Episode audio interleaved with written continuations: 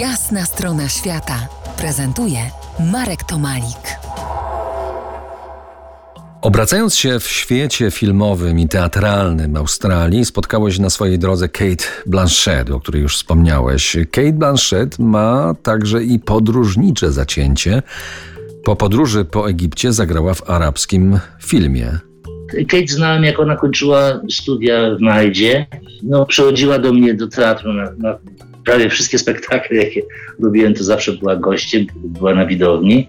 Lubiliśmy się, ale trudno powiedzieć, że się przyjaźniliśmy, bo w Australii jest coś takiego, że każdego człowieka, którego się pozna, to w zasadzie się traktuje jak przyjaciela. Tam się wszyscy uśmiechają, to pewnie sam wiesz, byłeś w Australii, że są bardzo otwarci, bardzo są tacy. Były tematy do rozmów, ponieważ ona jest y, wy, wybitną aktorką, powiedzmy sobie szczerze, wielkiej klasy człowiekiem.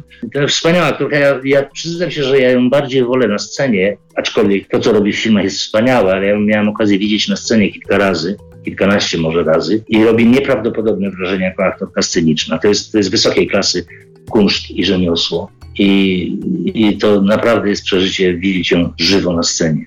Bardzo, bardzo lubię oczywiście Kate Blanchett, o której, o której tak ładnie mówisz, y, ale jeszcze bardziej lubię innego twojego, już nieżyjącego kolegę, chyba najbardziej znanego aktora z korzeniami aborgańskimi, Davida Gulpilil.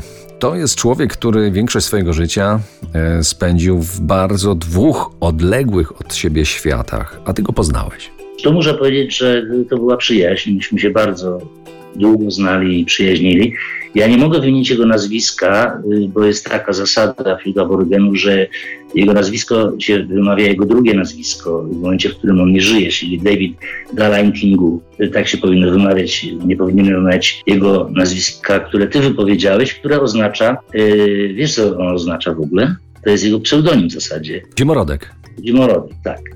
O Davidzie się nie da powiedzieć w dwóch słowach, bo o Davidzie można by siedzieć i gadać godzinami, jaki on był, co on robił i co przeżywał, bo to jest człowiek, który został wyrwany poprzez nieprawdopodobny sukces filmu Walkabout, jako młody 16-letni chłopiec z jego plemienia, który się nazywa Mandzialpingu. I to jest plemię o tyle ciekawe, że to chyba najpóźniej odkryte plemię ze wszystkich plemion e, australijskich aborygenów. Odniósł nieprawdopodobny sukces jako aktor, jako genialny tancerz, malarz, poeta i tak dalej, i tak dalej, ale ciągle wracał tam do tych swoich. To nie, nie udało się go zupełnie jakby scywilizować, w tym sensie, że można by powiedzieć, że facet, który odnosi takie niesamowite sukcesy, mógłby mieszkać w jakiejś niesamowitej willi, wyjechać do Stanów Zjednoczonych czy Wielkiej Brytanii i robić sukcesy, a on ciągle wracał do swoich, ciągle z nimi się dzielił, ciągle z nimi żył i jest, jest, był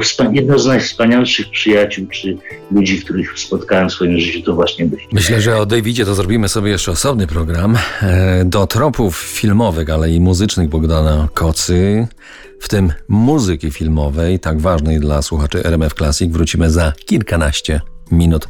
Zostańcie z nami. To jest jasna strona świata w RMF Classic.